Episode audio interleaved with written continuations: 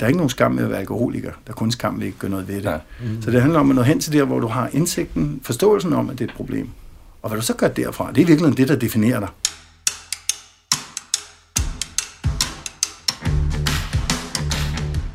Jeg er alkoholiker, først og fremmest, og så røg jeg en masse hash, som heller ikke var særlig godt, øh, sammen med alkoholen her, og gjorde, at jeg, jo, altså, jeg endte, det var jeg endte.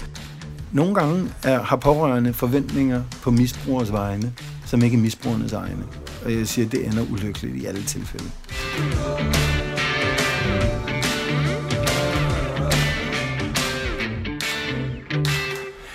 Velkommen til podcast. En øh, narkoman og en alkoholiker sidder på en bænk.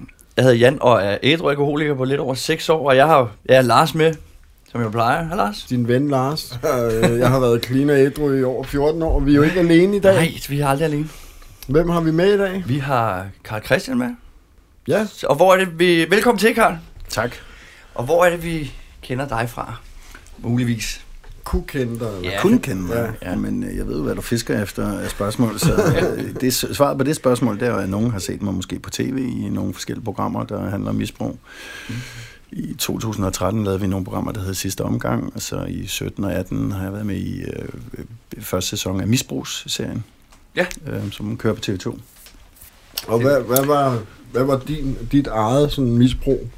Ja, jeg er jo Så- også øh, selv ligesom jeg. Øh, et, et alkoholiker har 23 år her i marts måned, så øh, jamen, alkohol var, var, var det, der bragte mig i knæ. Ikke? Ja. Og det formgav mit liv meget, eller har jo formgivet mit liv, både mit arbejdsliv og privatliv. Øhm, Der er mange, der tror, tror jeg, at misbrugere kommer fra sådan en...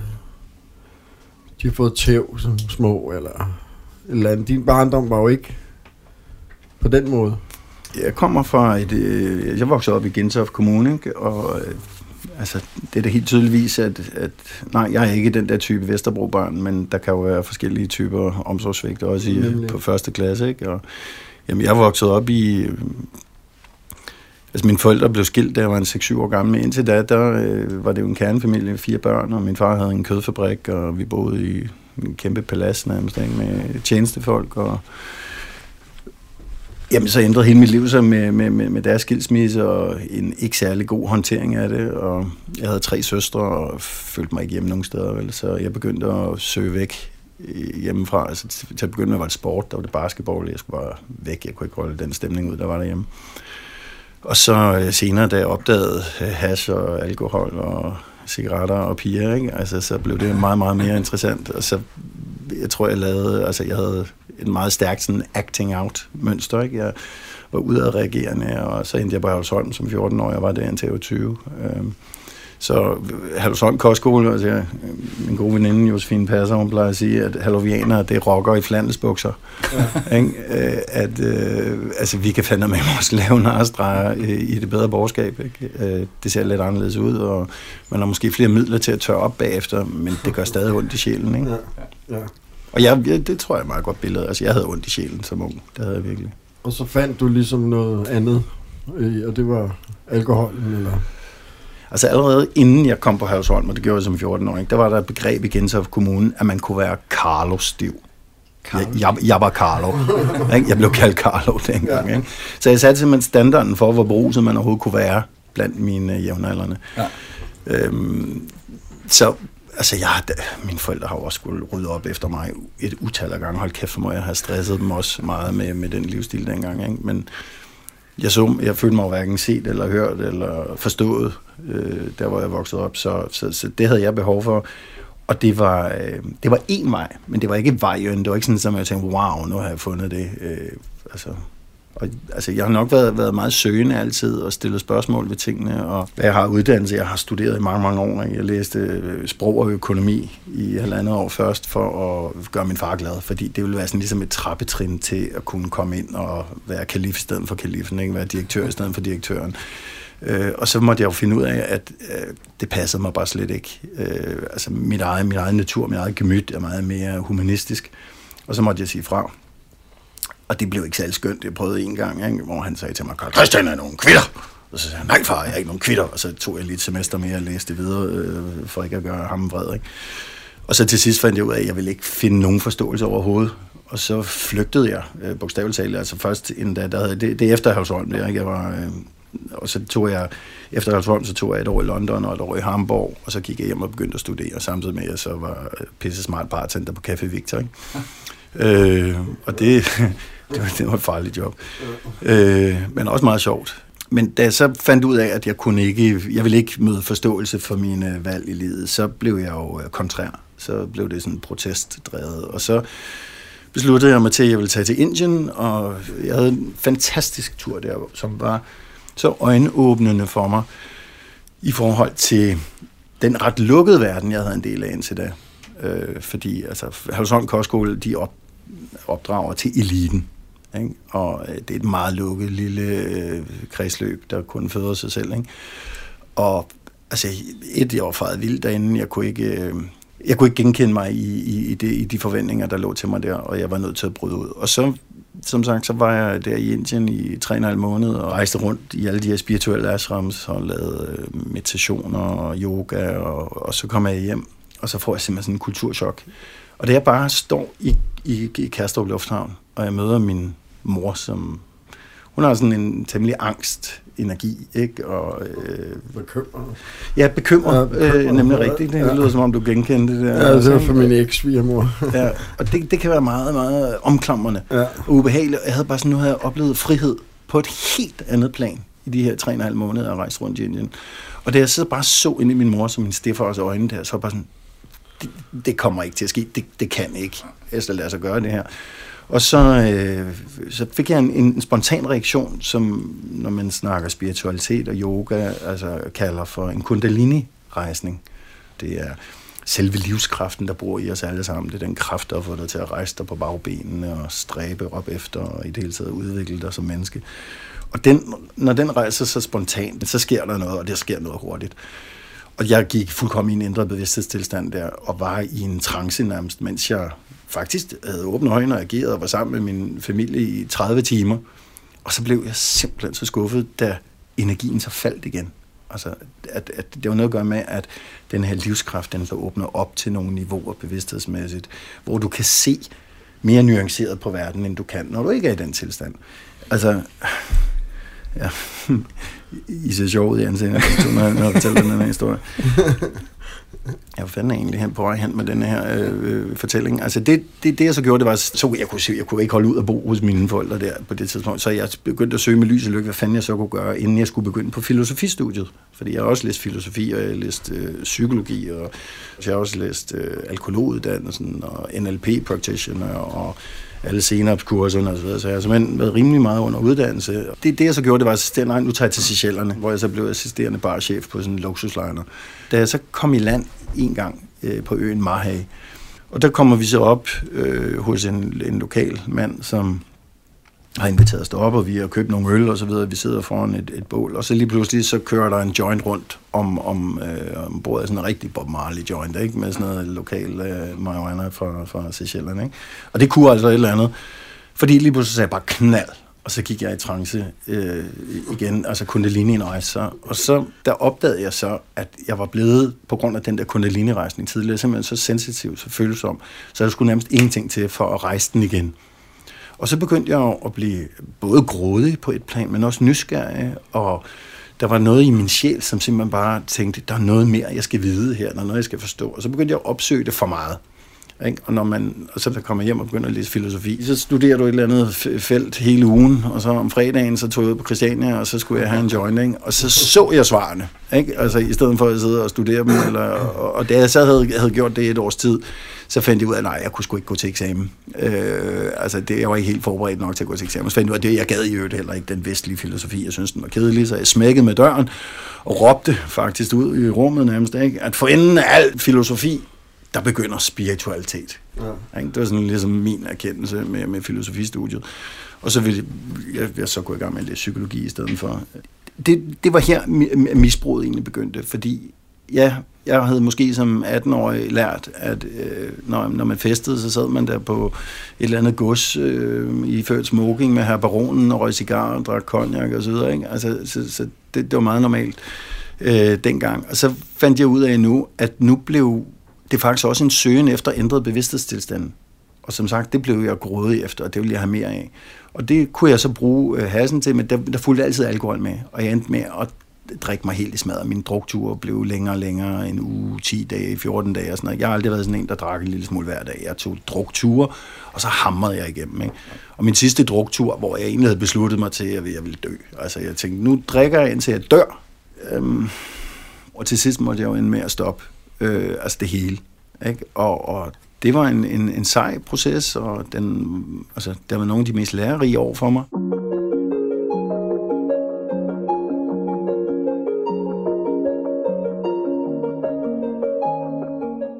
Men for sådan at tage dig tilbage til der, hvor du var altså på dit aller største, kan du lige tage os med til der, hvor du stoppede? Ja, det kan jeg sagtens. Øhm, jamen, jeg havde gået til, til AA i to og et halvt år på det her tidspunkt, og jeg havde en sponsor, som jeg nåede at have glæde af i over 12 år. En virkelig dejlig menneske. Jeg er meget, meget taknemmelig for, at han var i mit liv på det tidspunkt. Og han havde øh, foreslået mig, at vi skulle tage til et øh, nytårsarrangement, øh, som AA holdt på en skole i Nordvestkvarteret.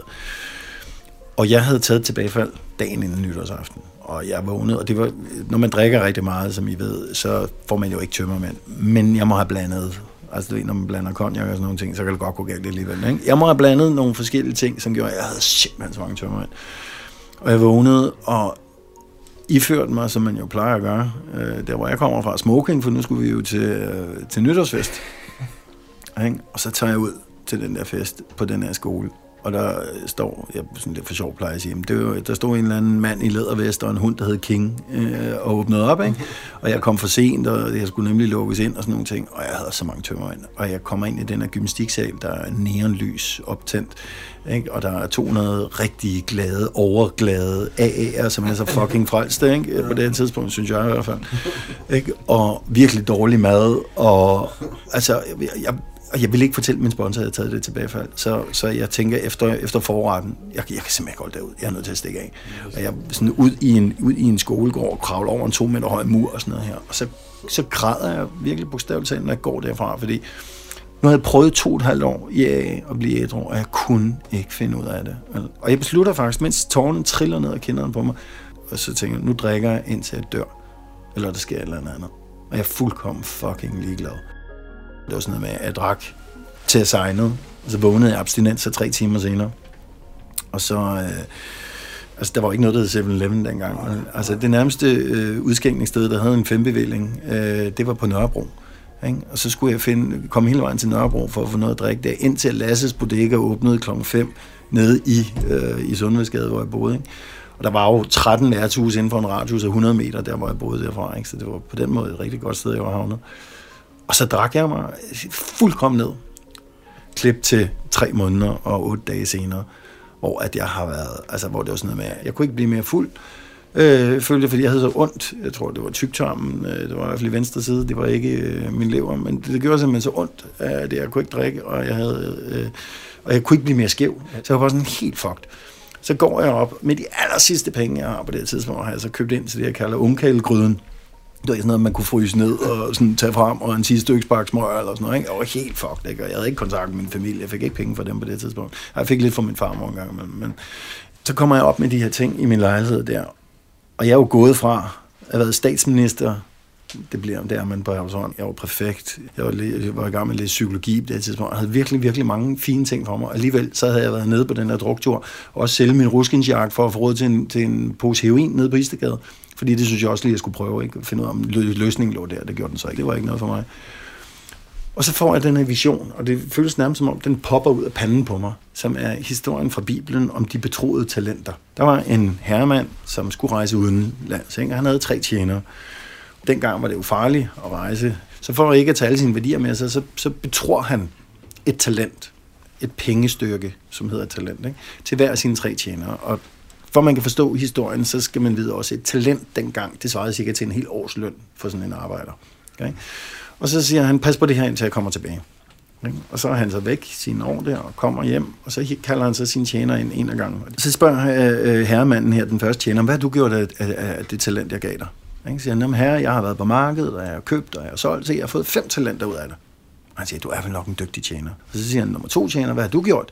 Jamen herre, jeg har været på markedet, jeg har købt, og jeg har solgt, og jeg har fået tre talenter ud af det. Og han siger, du er vel nok en dygtig tjener. Ikke? Og så den sidste person, så spørger han så, hvad, hvad gjorde du af dit talent? Ikke? Og han siger, jamen herre, jeg, jeg vidste jo, at du kunne være en skrab, øh, en herre af og til og sådan noget her, så jeg var bange for, at, at jeg ville miste øh, dit talent. Så jeg gik ud i ørkenen og gravede det ned. Og her, værsgo, her, nu kan du få det tilbage. Ikke? Så kigger han på ham og siger, dig, din udulige tjener, dig kan ikke bruge til noget som helst. Forsvind ud af mit hjem. Ikke?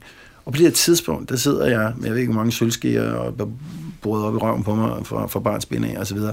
Alt mit potentiale, alle mine talenter ikke forløst.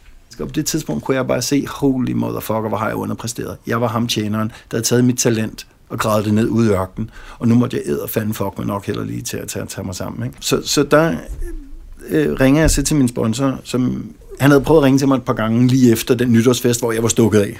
Og han var gode venner med, med uh, Jørgen Nissen, hedder han, som uh, var ham, der blandt andet havde kommet private midler i at startede uh, øh, Fontana uh, behandlingshjemmet dengang. Han var en velhavende mand. Han lever ikke længere. Men, og så hvad er du sådan med sådan en behandlingshjem, og det var gruppeterapi og sådan noget, at du kan jo ikke lige regne med, at der er betalende kursister eller gæster til, sådan, til at fylde øh, sådan nogle øh, rum op øh, for første dag. Så han ville gerne give nogle fribilletter. Så han sagde til sin gode ven Ole, min sponsor, hvis du kender en værdig trængende her, så, så kan du godt få lov at give sådan en billet. Så han havde sådan et, på sin højtaler, da jeg kom ind, der lå der en ret stød højtaler, for han var blevet skilt for sin kone, han kunne, han kunne ikke finde noget at gøre rent. Men der lå der sådan en brochure for det her Fontana, og så kan så stå CC. Ikke? Det var så en, en billet til i ringen til mig, hvis jeg ville have den. Ikke? Og, øh, og det var meget bedre for mig på den her måde. Et, det var bedre at være i ambulant behandling, Altså døgnbehandling for mig på Majorgården, hvor jeg havde været først, det var et langt ferieophold. Ikke? Med et kæmpe kulturschok, der kom hjem til følge, der gjorde, at jeg ikke havde integreret en skid, og så endte jeg med at tage tilbagefald, ikke? og var on-off i de her to og et halvt år bagefter. Her der fik jeg lov at komme hen i behandling og fordøje tingene på min egen hovedpude derhjemme hver dag. Det, det, det gjorde en stor betydning for mig. Ikke?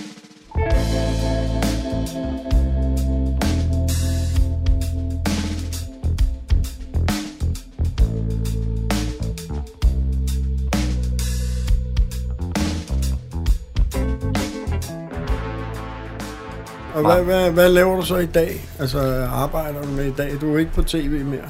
Nej, øh, ikke lige for tiden i hvert fald. Og det var egentlig selvvalgt, men det var fordi selve de programmer der øh, er jo bygget op omkring intervention, som kan være et, et okay redskab at bruge øh, i nogle sammenhæng, men bizarrt nok er det ikke for at hjælpe misbrugeren. Når jeg, når jeg synes, en intervention kan være på plads, så er det fordi, det er sidste udkald for de pårørende.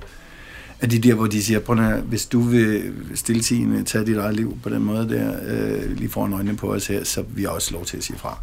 Så det er det, der ligger egentlig i hele interventionsværktøjet, at, at øh, de pårørende kan få lov til at sige fra, hvis det bliver for meget. Men nogen er jo begyndt at tænke, at det er så nærmest den eneste måde, man kan behandle misbrug på, eller få en, behandling, en misbrug til at komme behandling på, ved at tro dem og rive bukserne på dem og alt det her. Ikke? Og, og jeg har talt mange gange med produktionsselskabet om, at vi kunne lave nogle andre vinklinger på de her tv-programmer osv., men TV2 sælger jo reklamer, og de kan skide godt lide dramaet og alt det her følelsesporno, og det var den måde, som de valgte at, ville lave det program med misbrug, og jeg har stor respekt for det, for det virker, men jeg havde ikke lyst til længere at blive slået hardcore med kun den metode. Så derfor takkede jeg simpelthen nej tak til at være med i sæson 2. Ikke? Men jeg er jo stadig misbrugsbehandler. Jeg, er, jeg har jo i ni år var jeg på døgnbehandlingsinstitution, og syv år på Freedom House, og to år på Alfa Fredensborg bagefter, og så blev jeg i 2009 selvstændig og har drevet egen klinik, hvor folk de kommer til mig individuelt. Øh, og de har jo en lidt lettere misbrugsprofil på dem at forstå. Det er ikke dem, man skraber op ved Maria Kirkeplads, som det så var de første små 10 år i virkeligheden, den type klienter, jeg arbejder med. Ikke? Det er bedsteborgere, det er mennesker, som typisk har øh, et alkoholproblem, men også gerne forskellige sidemisbrug. Ikke? Og kokain for eksempel er jo helt vanvittigt meget ind over nu. Ikke? Det er meget populært i dag. Det er meget populært, ikke? og det er uhyggeligt også, ikke? Øh, det de unge i dag har på paletten. Altså hold kæft, hvor er det avanceret. Hvor er der bare meget at vælge fra. Ikke? Der er bredt udvalg. der er bredt udvalg, og det er desværre ikke særlig sundt, øh, det meste af det. Øhm, så Jamen altså, jeg, jeg arbejder stadigvæk med, med misbrugere på øh, daglig basis, at folk kommer, og jeg fører dem igennem forløb. Så har jeg nogle, sådan nogle moduler, Jeg arbejder folk igennem, altså 15 sessioner i hvert fald, og ofte bliver det også 20, øh, hvor vi mødes af halvanden times vejhed og snakker nogle opgaver igennem og nogle forskellige områder af deres liv. Ikke? Jeg, som jeg plejer at sige, jeg arbejder på en platform af oplysning, terapi og coaching. Har det været en fordel i dit arbejde, at du selv er, er tidligere misbruger? 1000 procent ja. ja. Altså selvfølgelig er det Og det er det, altså det, det, det er ikke engang noget, jeg har spekuleret over, fordi jeg, man kan sige, jeg har jo bare den erfaring, jeg har. Så jeg har jo lettere ved at både læse mig selv ind i og forstå de ting, der udgår fra andre mennesker, og forhåbentlig også opnå noget, øh, altså både sympati og empati osv., fordi jeg forstår. Ikke? Så, så, så det er jo kommet naturligt for mig, men, men jeg hører rigtig, rigtig ofte om mennesker, der er i behandling og er kommet i, ikke mindst det offentlige system, og det er jo ikke for disse, det offentlige, de laver også gode ting, men, men hvor at nogen er til bare overhovedet ikke føler sig set, hørt, forstået, og, og tænker, at det her, det er... Eller det hjælper dem jo så ikke. Det ender ikke med at hjælpe dem. Så jeg er da ikke i tvivl om, at det også hjælper mig til at hjælpe mine klienter bedre, at jeg har været der selv. Ja.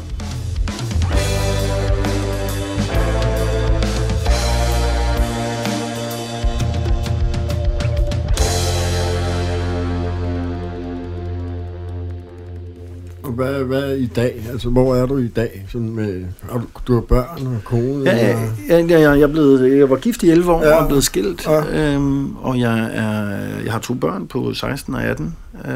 Det er ikke tilbud, du mangler? Nej.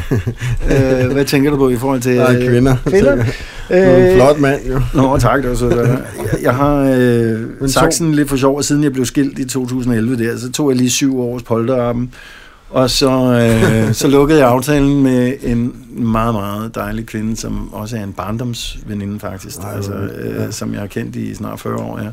Vi, havde, vi har haft sådan sporadisk kontakt der til, men der var det bare sådan, kachung, den dag energi, der havde været rigtig, rigtig god dengang, den var der igen. Ja. Og jeg har fået mere fred med, med hende i, altså, i en relation, end jeg tror, jeg har haft nogensinde før. Ja. Hvordan er dit forhold til din familie i dag så? Nu er du selv lidt inde på det der med, at du ikke har noget kontakt til hverken forældre eller søskende. Og... Ja, altså, ja, det er, min lillebror ser rigtig meget, eller ja, rigtig meget, vi, vi, vi ses, øh, og jeg kan rigtig godt lide ham, og jeg er meget stolt af min lillebror, og jeg ved, der er meget gensidig respekt og kærlighed, også imellem øh, hans familie og min familie, vores øh, altså hjemmegjorte egne familie. Ikke? Men øh, mine tre søstre fra, øh, altså det samme kul, som jeg selv var i. Min lillebror og min halvlillebror, ikke? og så min, jeg har jeg tre søstre fra altså, øh, samme ægteskab som min, min mor og min far. Ikke? Dem ser jeg ikke længere, øh, fordi at jeg blandt andet valgte at bryde med min mor for 12-13 år siden, da jeg sagde til hende, at hun var nødt til at være ædru nu, fordi jeg blev simpelthen så dårlig. Altså jeg blev sådan sjælelig syg, at samvær med hende gjorde mig simpelthen så ked af det, og så bedrøvet igen og igen, fordi hun ville ikke øh, ændre i sit liv i overensstemmelse med, at hun faktisk bare havde bedt mig om at gøre. Ja. Og det hyggeleri, det var så eklatant, og så bad jeg hende om at, at se på muligheder for at ændre på det, fordi ellers ville det være svært for mig at være sammen med hende, og så fik jeg at vide ret utvetydigt, at hvis jeg ikke kunne lide lugten bageriet, så kunne jeg bare smutte.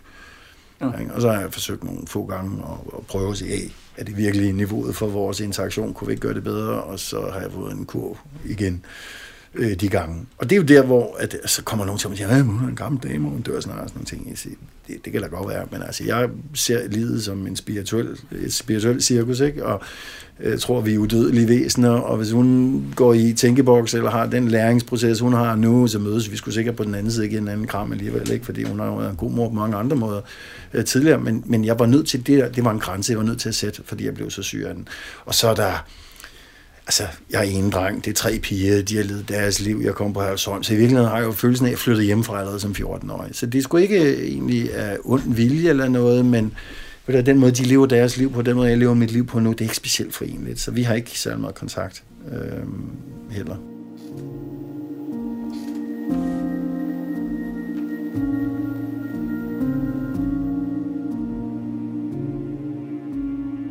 Men Lars, hvad med dig? Hvad, altså, hvad, hvad har du haft indtaget? Hvad er, Jamen, dine, hvad er dine foretrukne stemningsændrende midler eller handlinger? Jeg er jo sådan en, man skrabede op på Maria Kirkeplads. Mm-hmm. Som både fikset heroin og kokain og tog nervepiller for fire forskellige læger. Ikke? Men det gjorde du til sidst, ikke? Hvordan startede det? Det startede med noget has. Der var 10 år, ikke? 10 år? Ja. En frisk fyr. ja, der var knald på. Men altså, det endte med, med, med, med guldbejer og alle, alle slags kemikalier, jeg kunne stoppe i mig. Ikke? Og hvornår blev det sådan helt hverdagsagtigt, at du var påvirket, fra du stod op til. Det gjorde det, for jeg var 10 år nærmest. Så røg jeg hver dag, stort set, de næste 23 år. Hvordan kan man uh, få fat i sådan noget som 10-årig, i de mængder? De søde voksne mennesker på Christiania, eller andre steder, Mm-hmm. som sælger til børn uden Okay, hvor fik du penge fra til det? kriminalitet. Så har du også haft nogle lærermestre, der kunne vise dig den vej, ikke? Jo, og det er jo også det, der går op for mig i den her podcast, at hvad nu, det er logik af, at det har krævet så meget behandling for mig. Mm. Eller også i dag, for livet for mig i dag er stadig svært. Nogle ting, der er enormt nemme for jer, kan jeg høre. Mm. Og så tænker jeg, det er fandme svært for mig. Mm. Altså. Det er jo klart, hvis man aldrig har lært ting. det er jo jo. til, det, er jo det, jeg aldrig har lært det jo. Mm. Så det, det, det giver mig et eller andet med... Gud, det er jo klart, jeg har skulle i behandling så meget. Mm. Altså, det er jo logik. Hvor får du dine inspirationer fra i dag? Altså, hvis- hvis, nu det, jeg hørte dig sige, det er, jeg har trådt ud af Jamen, det min barnesko, min barnesko uden særlig meget vejledning. Okay? Ja. Så Ja. du har måttet gætte dig til, hvad det rigtige er, og så har du i øvrigt haft Ja. rigtig mange dårlige rollemodeller. Ja, Så finder du ud af det, og du er blevet et og clean, og det vil sige, du ki- klipper så også snoren til en masse af de dårlige rollemodeller der. Hvad inspirerer dig nu? det er jo dem omkring mig. Mit netværk, ikke? Ja. Min far, for eksempel. Mm-hmm. og mine venner. Men jeg vil sige, at jeg bliver inspireret af autentiske mennesker, som, øh, som har noget på hjertet, de selv har gennemlevet, mm. Mm. tror jeg faktisk. Og du inspirerer jo selv nu også ved at brede viden og Det er jo, andre jeg menneskers har- viden ud. Ja, men, det, men altså, jeg har jo mødt mange psykiater, for eksempel. Der er mere brug for en psykiater, end jeg havde, ikke? Hvor jeg sidder og tænker, "Men de kan ikke, jeg kan huske skolepsykologen en gang. Du jeg tænkte, hun kan ikke hjælpe mig. Altså, hvad skal hun hjælpe mig med? Mm. Så det har altid været det der, for mig er det vigtigt, det er nogle mennesker, der ligesom selv har prøvet det, de sidder og prædiker. Men hvis det du siger, er, at du manglede noget basisdannelse, kan man sige, ikke? Som, som menneske, og det, det relationelle selvfølgelig, som 10 år nu bliver smidt på gulvet på den måde, ikke? og det er jo alle mulige andre, øh, altså alle mulige anden læring om livet. Hvad gør du for, altså søger du aktivt viden? Altså gør du noget for at videnstilegne dig, Mm. eller blive klogere på livet på alle mulige forskellige spørgsmål? Nej, ikke sådan, ikke jo i perioder. Læser du? Sådan, nej. Ser Nej. du øh, Jeg dokumentarprogrammer? Hvad ved jeg? Så ser alt muligt dokumentar. Ikke? Ja. Men, men, men det er i perioder, jeg bliver inspireret. Er nogle gange du er mere sulten efter den form for Sulten viden end efter eller andet ind til min sjæl, eller ind til mit, øh, Hmm? mit sind. Ikke? Så er det Jans tur. Ja, hvad tænker Jan der? Vi har jo besøg af en øh, Ja, vel, det vel, veluddannet behandler. Vi kan lige så godt få, få vendt skud. jeg, jeg, jeg, jeg tror, det, det jeg gør, det er, at jeg prøver bare at omgås med positive mennesker. Mm. Øh, mennesker, jeg kan lære noget af. Okay. Og så, øh, Hvad er kriterierne? Jamen, det er jeg glad. Okay. Altså længere, det, det, det tror jeg, det, det er det primære. Folk, der kommer glade, dem vil jeg gerne være sammen med. Ikke? Mm. Jeg tror ikke, der er nogen, der gider at være sammen med nogen, der er sure, men jeg tror bare, jeg, jeg er blevet hurtigere til at vælge fra. Og ligesom lukke af, ikke? Og det tror jeg, det gælder i alt, faktisk. Øh, og så prøver jeg bare at være så positiv som muligt. Altså, Så du jeg- lader dig ikke forurene så meget andre mennesker med? Eller? Ikke som jeg har gjort. Mm. Øh, Hvad var mønstret der? før? Mm. Det, det, hvad mener du med? Nu siger, hvis, det, det, det lyder som om, det har været et mønster, at du har lavet andre mennesker på en eller anden måde påvirke dig negativt. Ikke? Og det har du så sat en skærm op Ja, nå, men det, for nu. For eksempel så er jeg kommet meget i nogle miljøer, hvor at, øh, vold var en del af det, og stoffer, øh, og specielt også alkohol. Mm. Og det, der, der, det, det har jeg selvfølgelig skåret fra. Ja. Også fordi, at, at når jeg begynder at opføre mig på den måde, så trækker det mig psykisk længere ned. Altså jeg får det, altså, så får det dårligt. Og så gjorde jeg bare det, og så drak jeg jo endnu mere, og tog, altså, blev ved med at tage stoffer. Så det var sådan en nedadgående mm. spiral, eller hvad man snakker om, ikke? Og det, det er så det, jeg, i dag er blevet stærk nok til at skære fra, hvad man kan sige, ikke? Hvad er du uddannelse? Jeg har en øh, 10. klasse udvidet, og så har jeg en øh, sergeantskole. Ja. Det er sådan set det. Hvad, hvad, hvad laver du i dag, altså i løbet af en uge? Arbejder du? Ja, ja, ja, fast arbejde, ja. Okay. Som, Som kloakmand. Ja. Øh, og det er, sgu, det er jeg glad for. Det var ikke det, der lå i kortene, da jeg var dreng i hvert fald. Det var ikke det, jeg havde lyst til. Nej. Øh, det tror jeg faktisk ikke, der er nogen i 8. klasse, der sidder og siger, at det vil være lokumsrenser. Men, men det er det, det, jeg laver, der, og, og det har det godt med. Det er fint arbejde, det er jeg glad for. Og det, det gør, at julen løber rundt. Ikke? Jeg har glædet mig ved at stå op til det om morgenen. Øh, men, men det var, ikke det, det var ikke det, jeg ville. Og du har fået familie? Det har jeg kone og søn og hund. Og... Mm. Så alle, alle de ydre rammer, de er, som de skal være. Ikke? Havegrill. Jeg er to. Bliver du også mæt øh, på sjælsplan? Altså får du den næring, din sjæl kalder på? Det er et dybt spørgsmål. Øhm, Nej. Svarer du på svar? Nej, det ved jeg ikke, men det... altså, om, hvad, hvad mener du med, om jeg bliver med sjælen? Er du opfyldt? Øh, altså, det, det er jo ligesom forskellige behov. Ligesom, hvis du har lyst til en cola, så kan du række ud, så får du det. Og har lyst til en lur, så, så gør du det. Altså, der er det jo min påstand, at din sjæl kan også have nogle behov. Og det kan blandt andet være noget videnstilegnelse, det kan være noget fordybelse, det kan være meditation, og det kan være, ja, for den sags skyld, at du laver noget sport, eller hvad det er, når du ellers ikke gør det. Det kan være alle mulige ting, der kommer indenfra som et kald. Så, så jeg tænker bare, hører du din sjæl kalder en en gang imellem efter noget? Altså arbejdsmæssigt, eller... Nej, tænker, nej, nej, nej, uden for arbejde, vil jeg bare påstå. Ikke? Ja. Mindre det er dit arbejde, det er det jo så ikke i det her tilfælde. Men, men, men, men hvordan bliver du mæt i sjælen? Hvad er næringsfyldt for din sjæl? er det et svært spørgsmål? Ja, det synes jeg. Mm. Hvordan jeg bliver med i sjælen?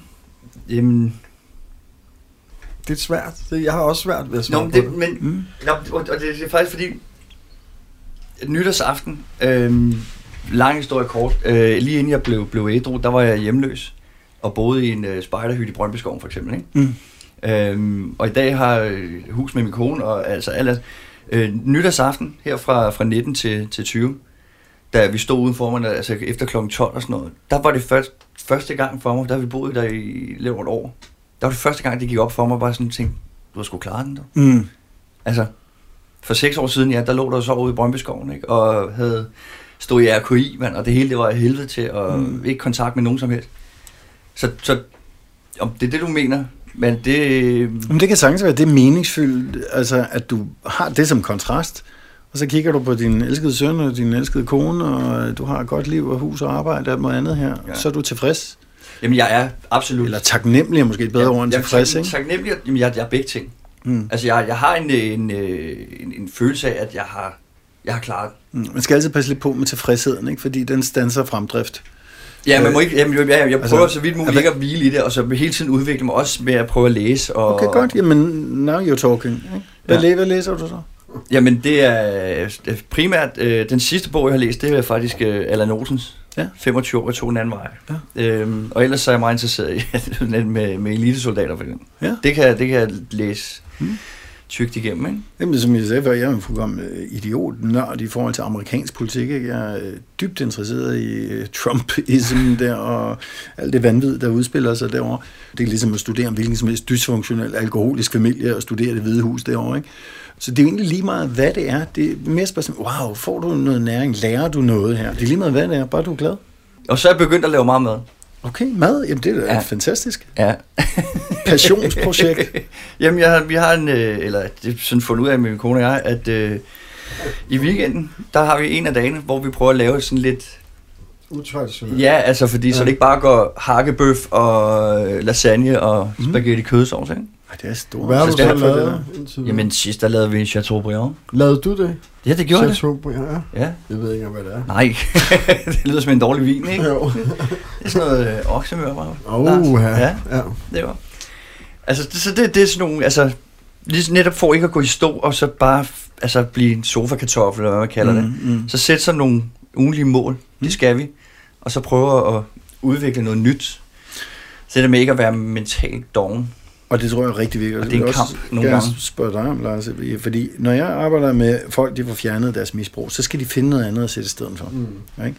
Og jeg kommer til at tænke på en af mine klienter, jeg bruger ham ofte som eksempel, fordi han er så sjov. Altså en, der tog en masse kokain og også eksperimenterede med alt muligt andet. Han var meget cokeafhængig, og da han så skulle blive clean, så skulle han have noget andet. Og så fik han overtaget sin kone til at øh, få sådan en hangglider kursus, og det skulle være, øh, og han selv købte sådan en, og han skulle ned til Polen, og det skulle helst være motor også, men det kan man først få efter tre år eller sådan noget. Ikke? Men altså, at, som, som et rigtig godt eksempel han er arousal addict, fordi han tager kokain, det skal være spændingsfyldt og så videre her, ikke? Så du skal helst have et eller andet, der er i forlængelse af dit naturlige mønster. Det vil sige, for ham var det naturligt at gå ud og flyve der, for en anden ville det være at sidde og samle frimærker, ikke? Eller Øh, altså nogle gamle morfarstørrelser, som jeg nogle gange har i behandling der, de går ned i de der øh, morfars.dk eller hobbybutikker der, sådan, tror de køber ind til barnbarn, så køber de ind til sig selv, helikopter, der kan flyve og alt muligt andet, ikke? Altså, øh, men der skal være leg. mm. i et menneskes liv, og du skal føle, at der er nemlig udvikling, og at tingene bevæger sig fremad. For ellers så går du i stå. Og så vender du typisk tilbage til de måder at gøre tingene på, som du gjorde før. Og det er jo i vores tre tilfælde i hvert fald. Altså for os alle sammen gældende, det var ikke særlig sunde måder, vel? Ja. Så, så, så man skal faktisk som en, en, en addict i recovery, så skal man have noget, der giver fremdrift. Noget, der er sådan, wow, jeg har lyst til at springe ud af sengen. Ej, det glæder mig til. Ej, det er spændende, det er sjovt, eller ja. det er sexet, ikke? Og, og som jeg siger til folk, altså hvis det er blevet for kedeligt at knalde konen i missionæren, så må du spænde en op i loftet, give en klask i rumpen, eller tage en i svingerklub, eller sådan noget, ikke? Altså, fordi jeg er ligeglad, hvad for nogle, nogle grænser du skal bryde for at blive ved med at være i udvikling. Altså jeg dømmer ikke folk, altså de gør lige, hvad de har lyst til, men der skal være noget, du, du, du ligesom en dreng, der får en ny cykel han glæder sig til at køre rundt og med armene i vejret, ikke? Og, og uden hænder på styret og sådan noget. Den følelse skal vi alle sammen have, for ellers bliver livet for røvkedeligt.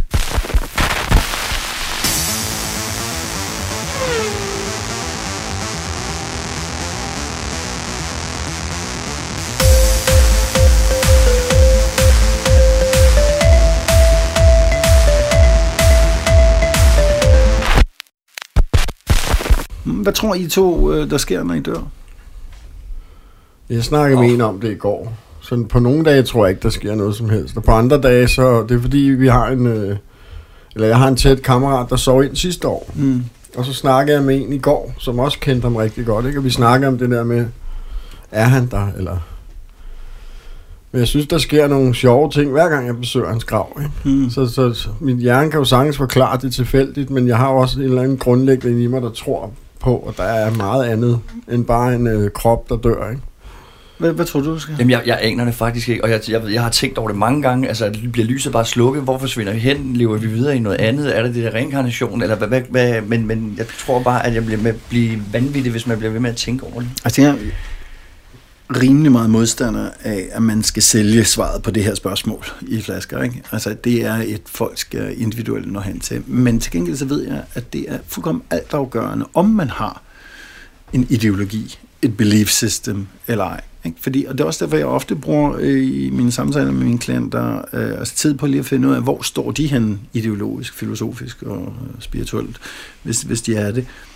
Fordi hvis de er det, så ligger der nogle værktøjer at, at hente der til at nå nogle mål. Der ligger nogle implicite forståelser af, at hvis du er spirituel, så har du måske sådan og sådan øh, ønsker til, til verden, og det udelukker nogle ting og åbner nogle andre ting op helt automatisk. Mens hvis du er en af dem, der tror på sort skærm, som jeg kalder det, ikke? altså jeg har ingen, altså, eller du bare bliver til atomer i universet, det er også fint. Så må du bare afstemme den coaching, du skal lave med den person, selvfølgelig jævnfør deres overbevisning. Mm. Ikke? Men, men når man har en tro, og det har jeg jo selv, jeg er fuldkommen overbevist om, at jeg er en sjæl, og at der findes nogle andre dimensionaliteter, jeg kan træde ind i og opleve, øh, som bekræfter mig i, at jeg er sjæl. At så bliver en masse af mine valg her på jorden også præget af den forventning til, at det er sådan, eller forståelse af, at det er sådan, verden hænger sammen. Ikke? Så vi lever i et fattigt øh, samfund øh, åndeligt. Ikke? Det kan man også roligt sige. Ikke? Det handler meget om forbrug og ja, overfladiske ting. Ja, sådan nogle ting. Ikke? Øh, jeg, jeg, jeg så tror, folk bliver meget rigere. Øh, også som forældre, nu snakker vi med forældre og så videre, altså at, at give ting videre i arv, øh, hvorfor er vi her, øh, altså når man har stillet selv de spørgsmål.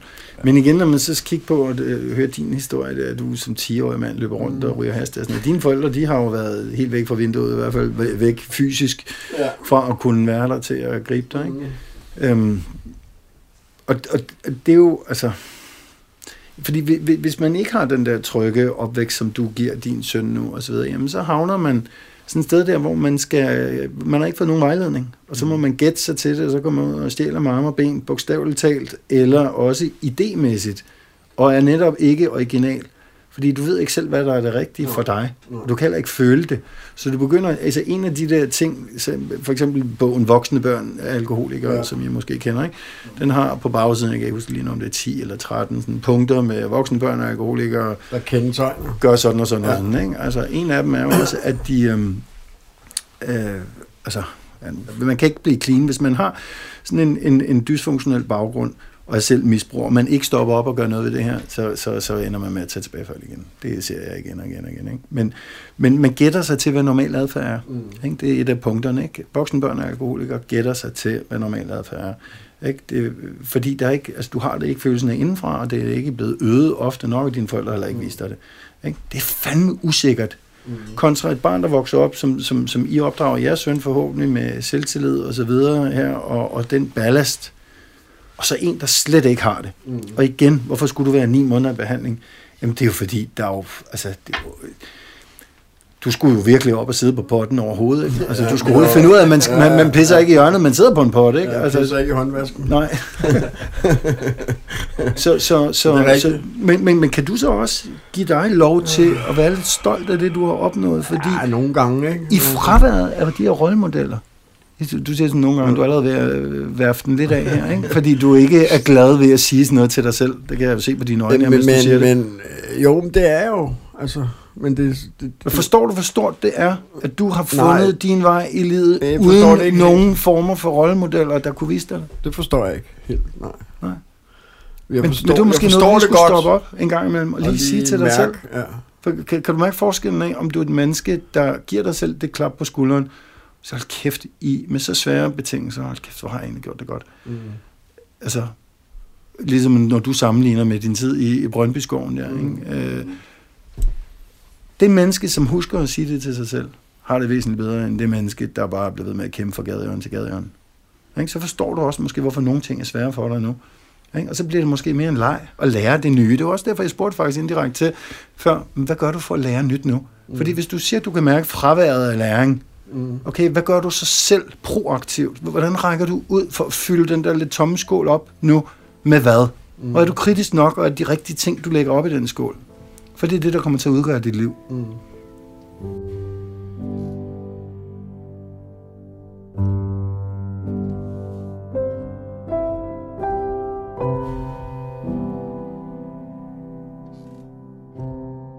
Så det handler et eller andet sted bare om øh, accept af sig selv. Altså, så du accepterer din fortid, og hvor du er i dag, så er du nemmere ved at give slip på det og bevæge dig fremad. Det er, helt, det er, en, det er en præmis, ja. Ja. Men det, det, er vil, jeg- det vil jeg huske. Meget vigtigt. Jamen, fordi... Og Jo. stoppe op nogle gange og lige mærke efter til. Det er også derfor, det er så vigtigt at Det kende, kende, kende sin historie. Ja, ja. ja det gør For- jeg, men den kender jeg ud af. Fordi el- ellers vil du lave den, når, hvis ikke du kender den, og ja. det er ikke bare at sidde og sagt det ned til ikke. og fortælle sin livshistorie x antal gange med meget, meget få variationer. Ikke? Det er ikke det, jeg snakker om. Jeg snakker om at kende den, så du kan mærke den og føle den, og så også forstå, når her der er et hul i osten, om det er fordi det eller det eller det. Og så alligevel sige, at hold kæft, har jeg det gjort det godt. Ikke? Og det er jo så min livsrejse. Mm. Og det er der, hvor jeg siger, at det er faktisk ikke betydningsløst, om man så har en idé om, hvad sker der efter døden. Eller ej, fordi det forklarer også noget om, hvad er meningen med selve tilværelsen.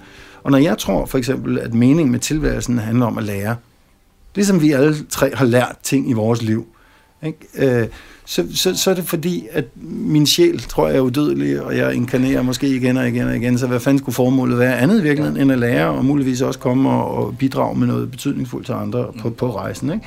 Men grundlæggende at lære selv. Så at kende sin historie, sådan som vi taler om den her, det er det, der gør, at du holder op med at bekrige din fortid. Mm.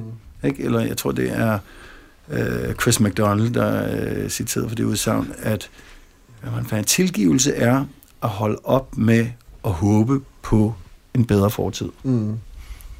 Mm. Forstår du det udtryk, Ja, det udtryk i forhold til dig også? Jamen, jeg forstår det, og, og, og, så, og så også, at det... At så tilgiver du din fortid. Har du tilgivet din fortid også de mennesker, der svigtede dig? Ja, det synes jeg. Okay. Det synes jeg faktisk, jeg har. Okay, fordi så er det faktisk lidt mere okay at være Det synes jeg, har. Fordi jeg har Upåklædt. altså, et af mine bedste relationer, det er min far jo. godt. I dag. 76. Ja.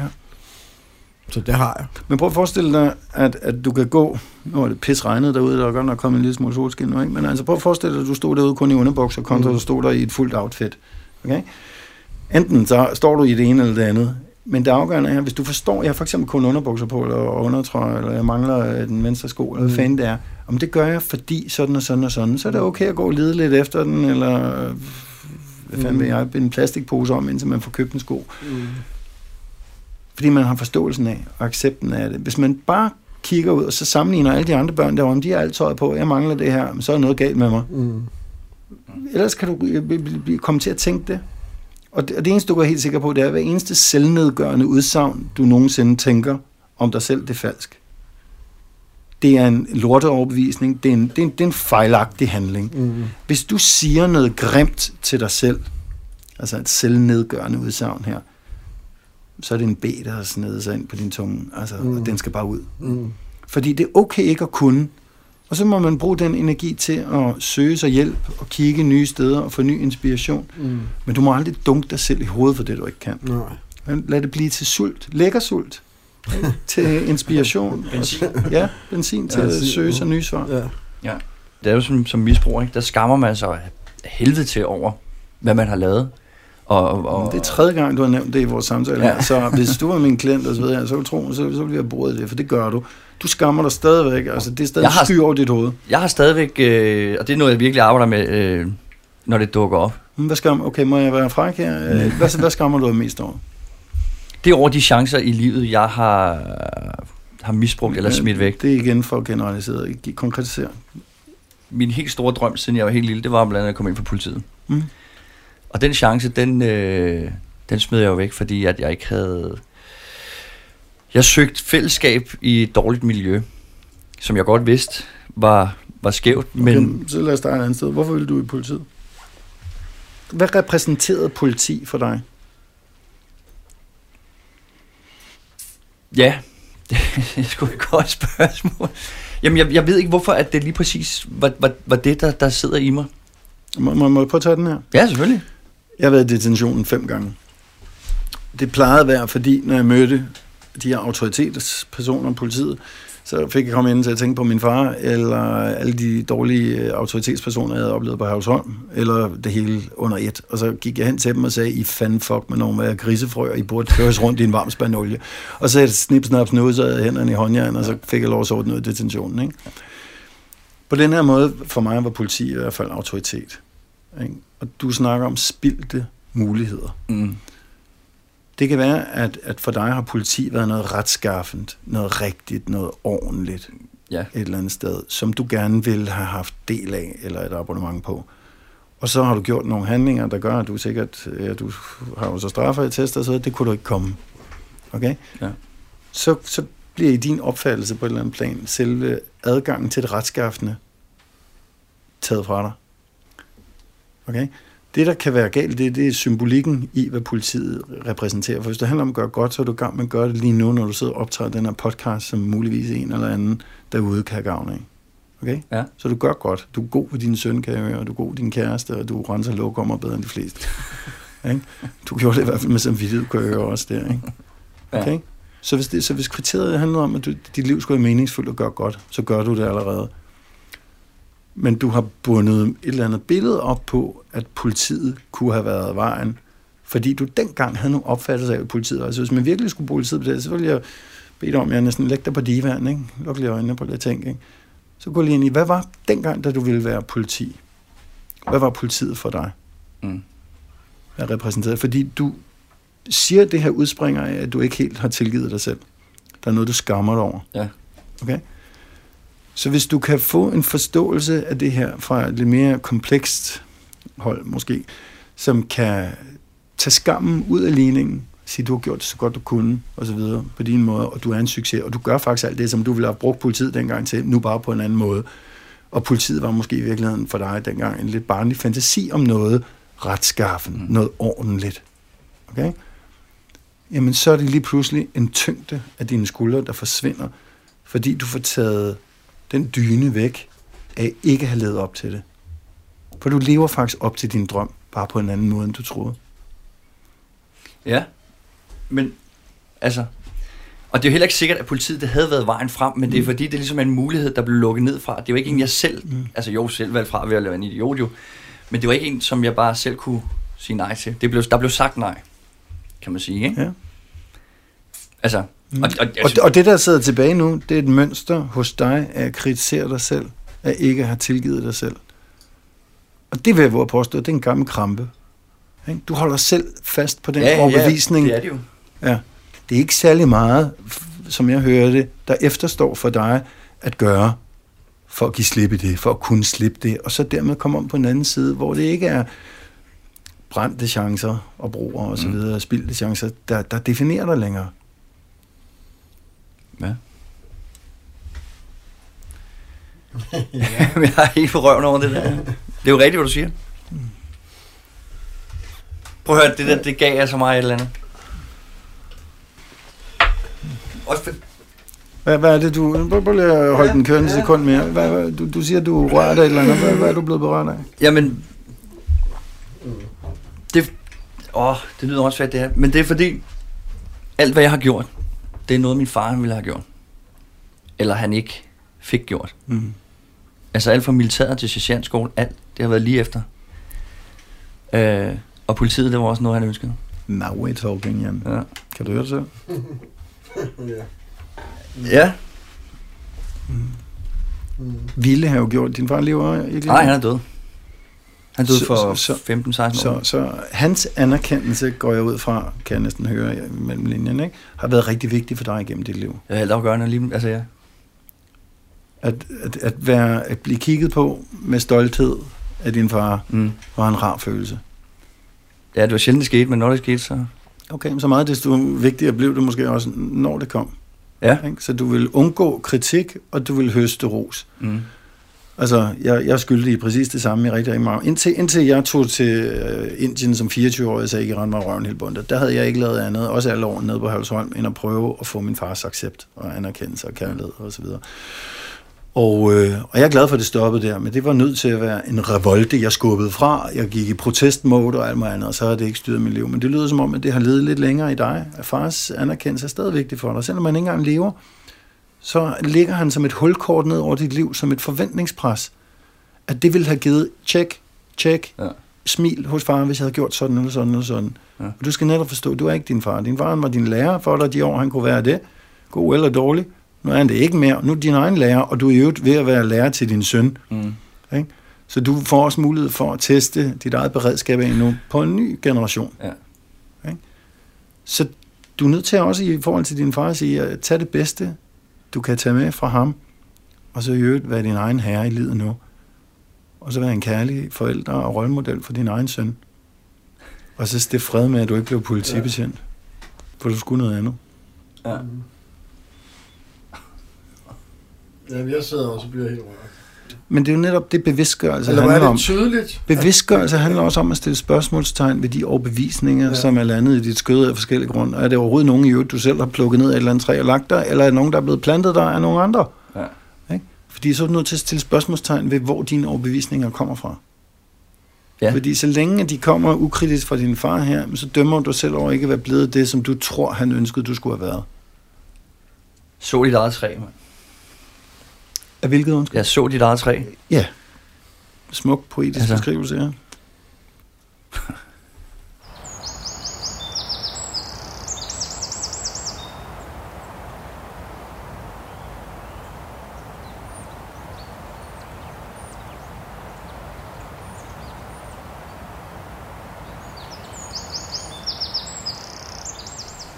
Der kom du sgu ned i mausen.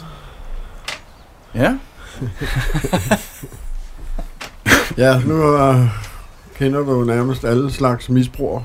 Øhm, hvad, hvad, hvis, man sidder, hvis der sidder en uh, lytter derude, eller flere og har et, et, et barnebarn, eller en, en søn, eller selv Pårørende. pårørende, eller anden måde, hvad, hvad vil du give af råd? Hvad kan personen gøre? Øh, Der er faktisk et, et, et ret, en ret afgørende forskel i det spørgsmål, der hedder i, handler det spørgsmål om, at den pårørende skal have god samvittighed, eller handler det om, at den pårørende skal ændre sit liv? mm, For det er jo ikke engang sikkert, at nødvendigvis, øh, altså ligesom at du oplevede før, at spørgsmålet om, hvorvidt øh, politiet osv. var et nederlag, at så handler det om, at du har en forventning om, at det var det rette. Mm. Okay? Nogle gange er, har pårørende forventninger på misbrugers vegne, som ikke er misbrugernes egne. Og jeg siger, at det ender ulykkeligt i alle tilfælde. Både for den pårørende og for misbrugeren selv. Selvfølgelig skal man først afstemme forventningerne. Men hvis det handler om, at man både gerne vil have god samvittighed, man siger, som jeg oplever ofte, folk vil, de vil ligesom have gjort den sidste indsats. Jeg vil være helt sikker på, at de kommer ikke til at smække et låg på dig en eller anden dag, hvis du fortsætter af det her, øh, uden at jeg kan se mig selv i spejlet og sige, jeg gjorde, hvad jeg kunne. Okay? Det mest effektfulde, man gør som pårørende, det er at sige, hvad det gør ved dig Altså, hvis jeg nu ser dig, Misbrug, Lars, at ja. du misbruger der, og du, det ser ud som om, du laver et langsomt selvmord for en øjnene på mig, at du så fra et helt andet sted fortæller, hvad det gør ved dig følelsesmæssigt, at se det. Også måske endda melde ud, at det, det vil jeg ikke være med til længere, for jeg holder simpelthen for meget af dig. Jeg vil, jeg vil simpelthen ikke, det skal ikke være min vagt, at du gør det der. Så hvis du fortsætter med den vej, så bliver jeg nødt til at trække mig agtigt. Ikke? Mm. Det, det kan være tilfældet. Og Nogle andre tilfælde, så kan det være, hvis misbrugeren jo selv gerne vil jamen, så hjælper misbrugeren hen til et sted, hvor vedkommende får hjælp. Ikke? Det synes jeg er enormt vigtigt. Ikke? Og man skal ikke lave et ultimatum heller til nogen og sige, at jeg kan ikke være i dit liv agtigt, uden samtidig at have et svar Nej. på problemet. Sige, men ja, nogen har så penge til, jeg vil, vil, vil, jeg vil give dig en behandling. Det, det er der jo nogen, der siger nej til. Der er lige så mange, der er i det her land, der kæmper for at få en behandling. Så er der nogen, der siger, "Ah, gud fanden vil jeg ej, man skrid af, og jeg er ikke alkoholiker. Ikke? Altså, øh, enten kan det være det, eller så kan det være, at man, man siger, prøv nu, at vi har i vores familie ikke midler til at øh, give dig en behandling, men jeg vil gøre alt, hvad jeg kan. Jeg vil ja, måske lige betale en privat socialrådgiver en time for at få noget rådgivning om, hvad siger lovgivningen af det her, Mm. eller jeg vil tage med dig ned på misbrugscenteret og sige, det her ned der, eller jeg vil tage med dig ned og vise dig AA, eller hvad det er. Så, altså, Det synes jeg var et ret godt svar, ja, okay. faktisk. Jamen, det synes jeg. Fordi, fordi jeg synes ikke, man skal gå for en misbrug. Altså, jeg, jeg, har det sådan, jeg er fuldkommen ligeglad med folk, der misbruger, som ikke selv har et problem med det. Altså, jeg kan se folk vælte rundt i stoffer og alkohol og sådan noget. Det rører mig ikke en skid. Indtil de rækker ud og siger, hjælp mig. Mm. Okay, så smider jeg alt, hvad jeg har i hænderne. Lige med det samme. Ja. Ja. Fordi det, det taler til min sjæl nemlig. Ikke? Så det der med at, at, at vise vejen hen til hjælpen, og det behøver ikke være noget med, at det koster 100.000 at sende folk i, i døgnbehandling. Det kan også godt være, at AA ligger hernede, og jeg tager med dig, og jeg sidder over på kaffebaren, mens du er derinde. Agtigt, ikke? Øh, det er også kærligt, og så videre. Og hvis folk så er hellbent på at være selvdestruktive, jamen så må det jo, som det altid er de pårørendes lod, altså være indlysende, at de så må øh, erkende magtesløshed. Jeg kan desværre ikke gøre noget ved det. Du er, har death wish, der er større end min evne til at påvirke tingene, og så må jeg passe på mig selv, og i øvrigt mine to små børn, jeg skal tage mig af herovre i stedet for. Ikke? Du kan jo heller ikke hjælpe en misbruger, der ikke vil hjælpes jo. Nej. Du, Det er svært. Da mit var på det højeste, der tror jeg sgu, jeg var ligeglad. mm, Altså, folk stillede mig et ultimatum, kunne de pisse af. mm, Jeg undskyld mit sprog, men det kunne de. mm, Og det er også den der øh, gaven ved at ramme bunden, som nogen snakker om, ikke? At det er det, der får... Det er selv, du siger det med krisen. Du kan kigge på det brændte hus, ikke? Så er du græd over det, eller du kan bygge et nyt. mm, Vend det til noget positivt, ikke? Altså nu ramte bunden, hvad vil du gøre nu, ikke? Jamen, så er det Mm. opad herfra, ikke? Og så, så må du bare arbejde på det jo. Ja. Nå. Vi har jo øh, nogle spørgsmål, vi plejer sådan lige at stille. Ja, helt Ja. ja. Ja. Hvis du kunne tage tilbage til Karl Christian 10 år gammel, hvad vil du sige til ham? 10 år. Jamen, det var en meget, meget sårbar øh, tid. Øh, altså, den første tanke på, på jeres spørgsmål, det var sådan, se at komme væk. Mm. Altså, det lyder helt åndssvagt. Ikke? Jeg, jeg, jeg kom på så på Halsholm som 14 år, og det var sindssygt godt for mig. Øh, Der er masser af ting, jeg siger med Halsholm, der er noget af lort. Men, men, men, men for mig var det helt overordnet utrolig godt, fordi det gav mig en stabilitet og en ro og noget regelmæssighed og så videre, som jeg havde rigtig, rigtig meget brug for, og noget, noget anden sparring og nogle, nogle ja, identifikationsmodeller og så videre. Der var andet end mine tre søstre og min mor. Ikke? Men min første impuls var simpelthen at sige til den lille dreng, du skal allerede se at komme væk nu. Altså, fordi øh, først når du begynder at komme væk, begynder du i virkeligheden at kunne hele dig selv fra den indflydelse her, som er ligesom kryptonit på dig. ja. Vi har et spørgsmål mere. Ja. Hvilke tre ting vil du tage med på en øde ø som aktiv misbruger, og i dag nu som clean ædru? Som aktiv misbruger. Ja. Jeg starter min egen bog, Fortryllet der, som man kunne downloade gratis der, med en, en historie om en alkoholiker, som møder en fe på, på, på gaden, ikke en alkoholiker. Jeg siger, okay, du må få to ønsker opfyldt, fordi du er så heldig, du har mødt den her fe. Ikke? Så han, okay, nu ved jeg, hvad jeg skal være. Jeg vil godt bede om en flaske whisky, der aldrig nogensinde kan blive tømt. Så whoopty, det var ikke, værsgo, så er der en flaske whisky, der aldrig nogensinde kan blive tømt. Så siger han, okay, det er meget fint, men du har et ønske mere. Så siger han, det er meget nemt. Så kunne jeg godt tænke mig en til flaske whisky, der aldrig nogensinde kunne blive tømt. og, og det er nok et meget godt svar, ikke? fordi jeg sad sådan og tænkte, okay, hvor meget kan jeg have med i båden derude, eller hvad ved jeg, ikke? Fordi hvis det er den aktive misbruger, ikke? Så, som, der aldrig nok. præcis. Ja. Okay, så tre, tre ting for den, for den aktive misbruger. Tre ting, der aldrig løber tør. Og så i dag. Så vil jeg sikkert til Sandra. Sandra og mine børn. Ja. Ja. Ikke? Det, det, det giver lige tre. Ja. Det vil gøre mit liv rigest. Det har været... Det er fornøjelse at have dig med. Vi er ved at være nået ved vejs ende. Vi har en ny gæst næste episode, vi kommer ud med. Ja. Ja, det var en fornøjelse. Ja. Jamen, jeg glæder mig til at høre også Ja. altså andre optagelser Ja, ja. øh, med mennesker, Ja. der har noget på hjerte i misbrugsspørgsmål.